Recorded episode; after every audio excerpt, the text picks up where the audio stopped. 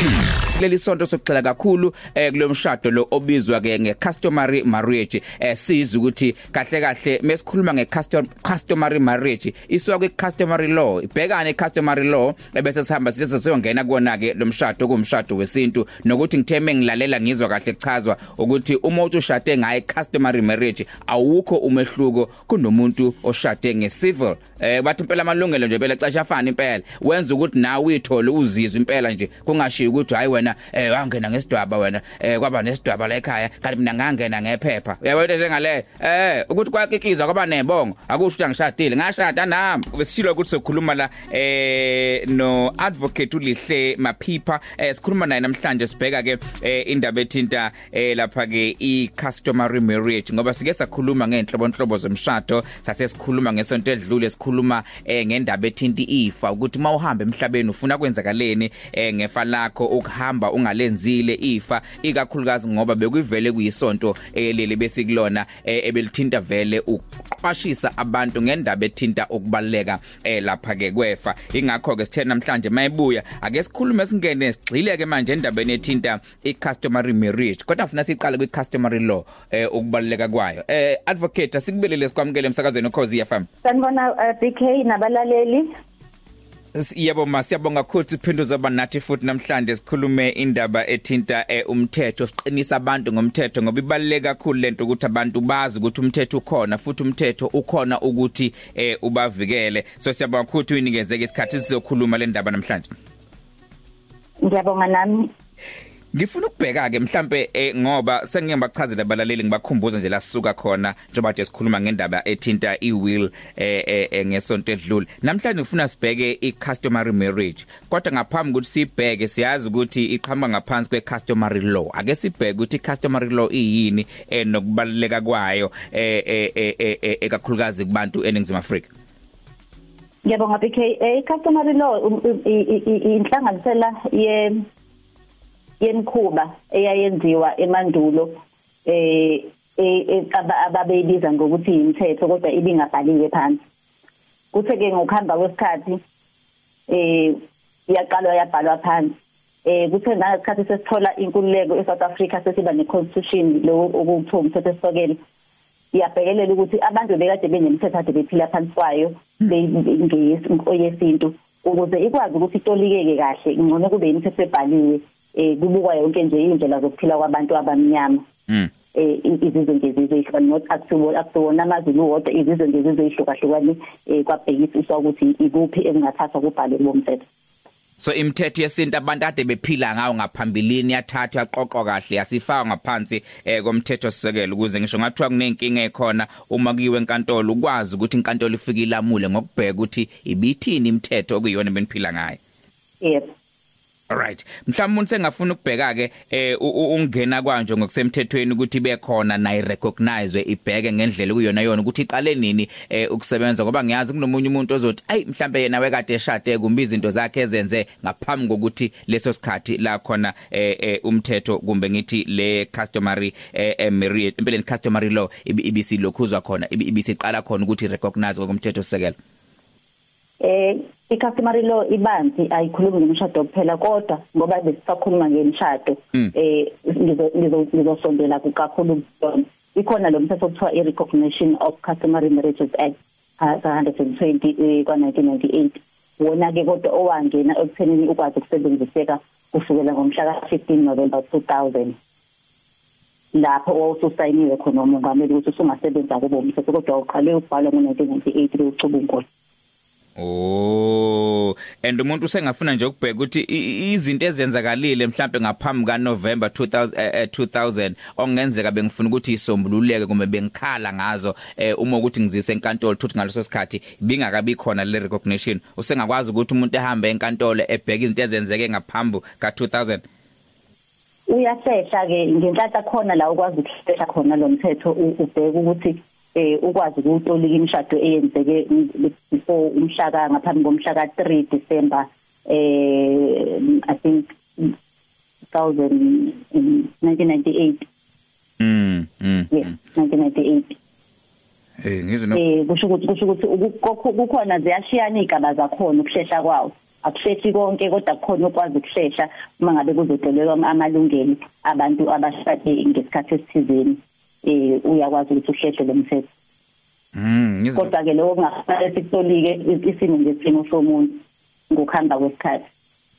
Eh njengokuthi nje uma ngabe mangakwenzela umzekelo wodwa uma ukuthi umshado eh wawushade ngo 3 December 1998 eh ngokwesintu bese suka ubaba ahamba ayothatha omunye hmm. eh bese bengathi lo wakho awusekho. Umthetho uthi mawuculuka amalungelo akho ukuthathe njengoba usushadile ngalesa sikhathi. Ngeshwa ke awukwazi ukuhlehla ngale kuka December futhi njengoba ukade uqale ucubungula lo mthetho ngo1998 ingakho kubhekelelwa kusukela ngawo uDecember ka1998 ukuthi uthema ngabe uhlangana nobaba nashada nathi ngishada umshado wesintu naqacelwa eh ngingachaza futhi ngizobe ngikuchaze futhi ngokuhamba kwesikhathi ukuthi onjani umshado ovumelekile ukuthi kuthiwe lona ke uyona customary marriage Okay no no no ngiyayizwa ngiyayizwa. Eh, eh ngithanda indlela nomfundo uyishaya igama lesilungu lakhuluma nge retrospective eh, application yes. of umthetho shothi sewubheka hlehla eh, eh, eh umthetho. Kodwa mhlawumbe ngiyafisa ukubheka eh, uma usayichaze kanjalo ukuthi uma sikhuluma ngayo ke customary marriage iziphi izinto esingathi eh, eh, zingama requirements ayo ukuze ikwazi ukuthi yenzeke ngendlela kuyona yona?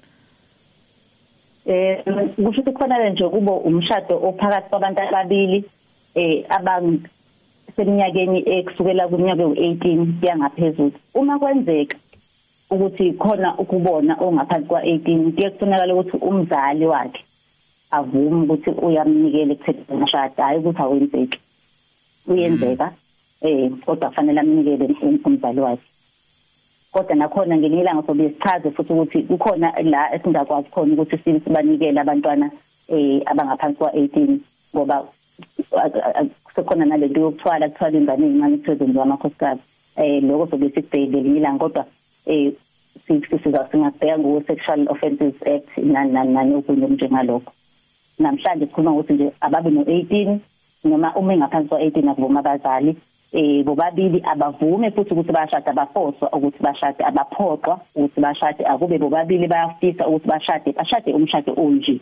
Ngoba nakhona futhi akumele baphoqelele ukuthi bashade umshado onje wesintu ngenze ukuthi bafuna bona ukuthi bashade umshado omhlophe uphelele kulo wesilungu eh babe nalo iphepha lokuthi bashade wesilungu eh lo wesilungu ke ilo ovalele ukuthi ungabusaba nayo omunye omunye umuntu futhi ozophinda ushade naye Mm. Mhlambe yini ke engenza esiyitolika ngokuthi umshado wesintu usuphelele.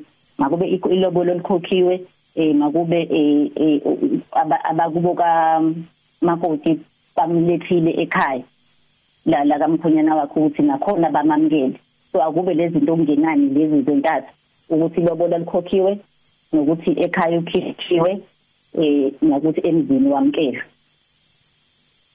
Eh noma ngabe kungasiwe umcimbi omkhulu kakhulu kodwa nje akube lezi inhlelo zenziwe. Bese ke emva kuba sekwenziwe lokho eh kutheke ngcono bese uyobhala kwa home affairs ukuthi ngishadile. Lokho kufanele nikwenze engakapheli 3 months emva kuba niganene uma ngabe ingekho office la la ka home affairs eduze nani ngingaya nasenkosini. Nakhona ke futhi enkosini kuya ngokuthi ileyo nkosi inikeziwe namalungelo home affairs okwenze njalo.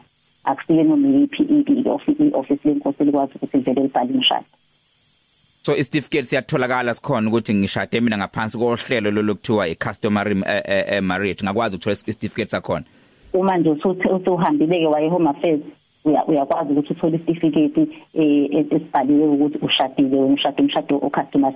Kuyakhuthazwa kakhulu ukuthi kwenziwe ngoba baningi abantu abashadayo bangabekesayo kwa home affairs ukuthi bayobhalisa umshado. Kuyakhuthazwa kakhulu ukuthi kuyiwe kwa home affairs ukuthi kuyobhalisa le mshado sithole isitifiketi ngoba siyakusiza into eningi kwasiza endabeni zokuthi umntwana wakho abantwana bakho mangabe sebezele bazalwe baphumele esibongweni sakubo eh nawe uyakwazi ukushintsha isibongo ushintshele isibongo sasemzini wakho uma ngabe ufisa kanjalo.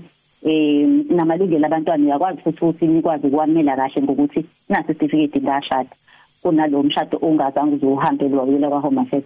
Nawo ke njalo nalo ungabhalisiwe akusho usakusona umshado wesintu uma ngabe zenzekile lezi zinhlobo lobola khishwe ekhaya ngenisa emzini kuyiwona. Kodwa inkinga ukuthi uma ngabe sefanele uthola amalungelo akho kuba nzima ukuthi ukufakaze ukuthi kwenzeka lokho. Ay uyazi ukuthi nje bokhuluma ngiyayibuka la eh, eh advocate ngiyibuka eh, nanomfundo sibheke ezinye izinto. Siyazi ukuthi sitheme sikhuluma ngecustomary law eh ukuthi ibheka kuphela hayi kuphela izinto ezithinta mhlawumbe ngabe abantu esingathi yes sifuna ukubheka ukuthi mhlawumbe amazulu amapedi amavenda banendlela zabo zokwenza. Abantu ukuthi kunezinto ezibalekile ezifana sisiyalibona ilobolo libalekile kodwa into efana nomembeso kwaba abanye ayikho lento yomembeso eh kodwa mhlawumbe abanye bayayenza. And siyazi ukuthi mhlawumbe ngokwesintu eh kumbe ngithi eh mesikhuluma ngesizulu uma kuthiwa umuntu eh useyahamba uyokwembeswa kunento eyenzwa kuyena njengomkhonyana okuthiwa useyamukela njengomfana la ekhaya eh useyaziwa. Phela ngenyongo. Usethela ngenyongo naye azayifake ebhantshini. Eh simpela ayifake ebhantshini njenga yile yile fakwa la ebhantshini? Eh njengephelpini njengephelpini exactly. So ehave nje azaqholoshe lokho kusho ukuthini? Eh angeze ukuthola icertificate lapho uma ukuthi angakashadi lokho sengasho ukuthi hayi nami sengumkhonyane ngiyaziwa la eh sengiclaim ukuthi ngishadile. Kodwa angithi umkhonyana usufakwa lenyongo ngasikhathi kade eyokwembeza Mm. Engakamukela umakoti kubo angeniswe ekhaya naye ngenyongo lapha ekhaya akakapheleli akakashadi. Benikezwe indla kudla nje la ukuthi engadla. Ubenikeza ebengenisa nje ukuthi sengathola isitulo naye aphakele naye plate. Mm. Fanele abe umakoti wamkelwe naye wathela ngenyongo yalapha kuleli ekhaya ayongena kulona yokwakha khona umuntu. Okay. No ngiyayizwa. Ungacashi ngokwembezo uthenga ingubo eningi bese uthi hayi no no no too much ingubo la. Sekuspende kakhulu. hayi. Sekukhoke kakhulu. Actually umshado. Ngakapheli umshado. Actually certificate esi receipt okay no. Eh mhlawumbe ngifuna ukubheka nje enye into eh ethinta indaba yendlamafa eh indaba yamafa. Sikhuluma mhlawumbe indaba inheritance ukuthi uma sikhuluma ngomshado eh sike sakhuluma ngendaba ethinta iwill ukuthi ngokwe customary marriage isikhathi esiningi kunokushaya bayayisana ukuthi ngabe wesilisa noma wesifazane osuke ezobhekakala njengendlamafa. Eh esimeni somshado wesintu umshado wesintu uyafana nomshado omhlophe eh uma ngabe uregistile lapha kahle eh ngokwamalungelo indaba iba sekuthini noma ungaregistiwe ngokwamalungelo wangaziwa uvela ufane nongena onongekho lo mshado mase ukungena eh le le lo mthetho othi i reform of customary law of succession um, and regulation related matters kwa act number 11 ka 2009 othi eh unkosana uyena oba injalifa emshadweni wesintu. Mm. umshado wesintu uhlukene kabili khona lo othi sishada umshado wesintu kodwa ithina sobabili. Nalo othi sishada umshado wesintu kodwa sengilanyiwe ngumakoti. Lana ke mawulanyiwe. Eh nomngalo mangalanyanga unkosana wakho oba undlalifa uma ngabe umshado wenu ungazange ubhaliswe eh ngendlela and ningazange nize nibe nalo iphepha elingenisa emshadweni nako kunye ecishe kwasala.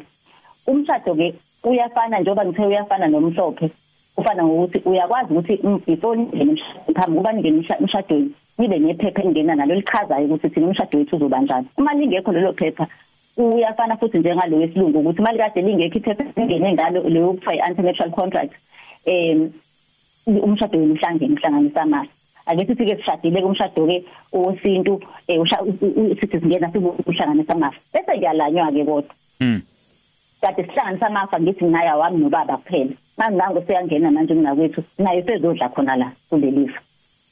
So into ezakalayo ke lapho ke kuyafuna ukuthi ubaba ngaphambi kokuba angene kulo mshado fanele ngivume mina?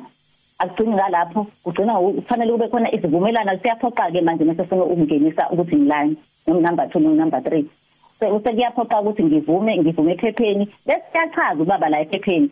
Sichaza ukuthi sesizokwaba kanjani ngoba phela bekade kuwethu sobabili. Sesizokwaba kanjani ke manje oba sekhona number 3 mangabe unumber unumber 3 la kulomshado wethu uma ngabe futhi sefaneke no number 2 alanye ungena omunye siqalwa phansi futhi kubuyelwe enkantolo kuyokwenziwa iphepha efuthi elinye enye agreement ethi esingisivumelene esithi ayike sesiyawaba ke manje futhi siyaqhubeka siyayinaba ngokwaba. Ingakho nje baye bathi abantu hey ingase sithembe sabantu abadla kahle abadla izamba nelikapondo ngoba fanele ube ucabange konke lokuthi uzokwaba kanjani. Ake sithi mhlambe ke anizange nize nikulokhuze ke nisenzeke leso sivumelwano ke navele ngazenzela lokho wasekhaya nagcina ningayanga kokufuna ivumelwano ngoba kuyenzeka kaningi. Kungena unkosana unkosana otholayo kuba uyena oba undlalisa uma ingasekho unkosana kuba indodana kankosana. Ziyashiyana ke futhi nakhona izinto khona izinkulu khona olandelayo. Khona uyabona kanjalo kanjalo kanjalo. Kodwa nje indaba ithi inkosana ke ngokwalo mthetho osesinqamulela ngokuthi i-customary law of succession reform. Okay. No Eh isikhathi esingasavumi kahle ngoba ngisafuna ukubuza ukuthi nango kushadile umkhonyana ngaphansi kwecustomary eh eh eh law and waseshada unkosikazi wakhe unaye. And then uthola ukuthi ke uma ezoshada omunye unkosikazi kumele athole imvume unkosikazi omdala. Uthothi yena akasayithola inkosikazi eh kumbe imvume unkosikazi omdala. Usevele eshada seshada omunye kodwa semshada ngaphansi kwalomthetho ekuthiwa ke manje i-civil yabo? Eh eh ukuthi ke imuphi umthetho kuwona sesingathi ubalekile ke kule empeleni umshado obalekile anguphuthumi ngokubalekile ngempela bayakwenza bebaleka beqashe bebalekela ukuthola imvume awukho ke lo landelayo makuthi usuthatha unkosikazi ka customer eh enga ungango noma ngabe umazisile ukuthi uzothatha number 2 noma ngabe umazisanga kodwa awukwazi ukumthatha umunye ngosivile. Awukwazi ukumthatha umunye ngokomthetho omhlophe ngoba lo wesibili umshado awukho. Ake sithi mhlawumbe uqale ngomhlopheke. Usufuna ukuthatha usufuna ukuthatha owesibili usuyabaleka usithi hayi othi ngimthathe ngokwesintu. Awukho ke lo wesintu ngoba usuqale ngokwesilisa. Ay yabona ngibona abantu besimama bembe ngenyawo ke manje khona bathi awukanti kanti kanti ashadile. Ngathi afanele sibheke indaba zethu la kodwa nje masigoqa nje ngingathi nje mina ayi kumele kodwa sibe nazo ivumelwano ezichazayo ukuthi senze imithetho enjani. Mm. Umshado njani nanokuthi kokwenzakalana emafeni. Into ebalekile ukuthi nje ibana abangani nabameli sondelanani nabameli nje ukuze nithole ukuthi yonke into yini ihambe kahle. Ngoba uyaliwa abantu bengabe sebengasekho noma uyakwazi futhi ukuphuma umuntu emshadweni aphume ephila uphuma aphethe ini? Nanso enye indaba uma ngabe singabhalile zonke izinto kahle. Lungile advocate siyabonga kakhulu. Eh abantu abafuna ukuxhumana nawe ngaxhumana kanjani? Alamba i WhatsApp number ethi um 079 477 3185 ngathi abangconywana ama voice note bethumela ama voice note bekuzibuza okay. 3185 Alright. Eh advocate Ncantu kuzwakele eh siyabonga kakhulu isikhatsi sakho nokusikhansela nje indaba enethinta umthetho sobe sibheke futhi ngesotel za. Siyabonga. Alright, sibonga kakhulu emsakazweni cause ya FM igama lakhe advocate Lihle Mapipa besikhuluma la ke namhlanje sibheka indaba ethinta i customary marriage. Mabrigado. Sizwa ngawe.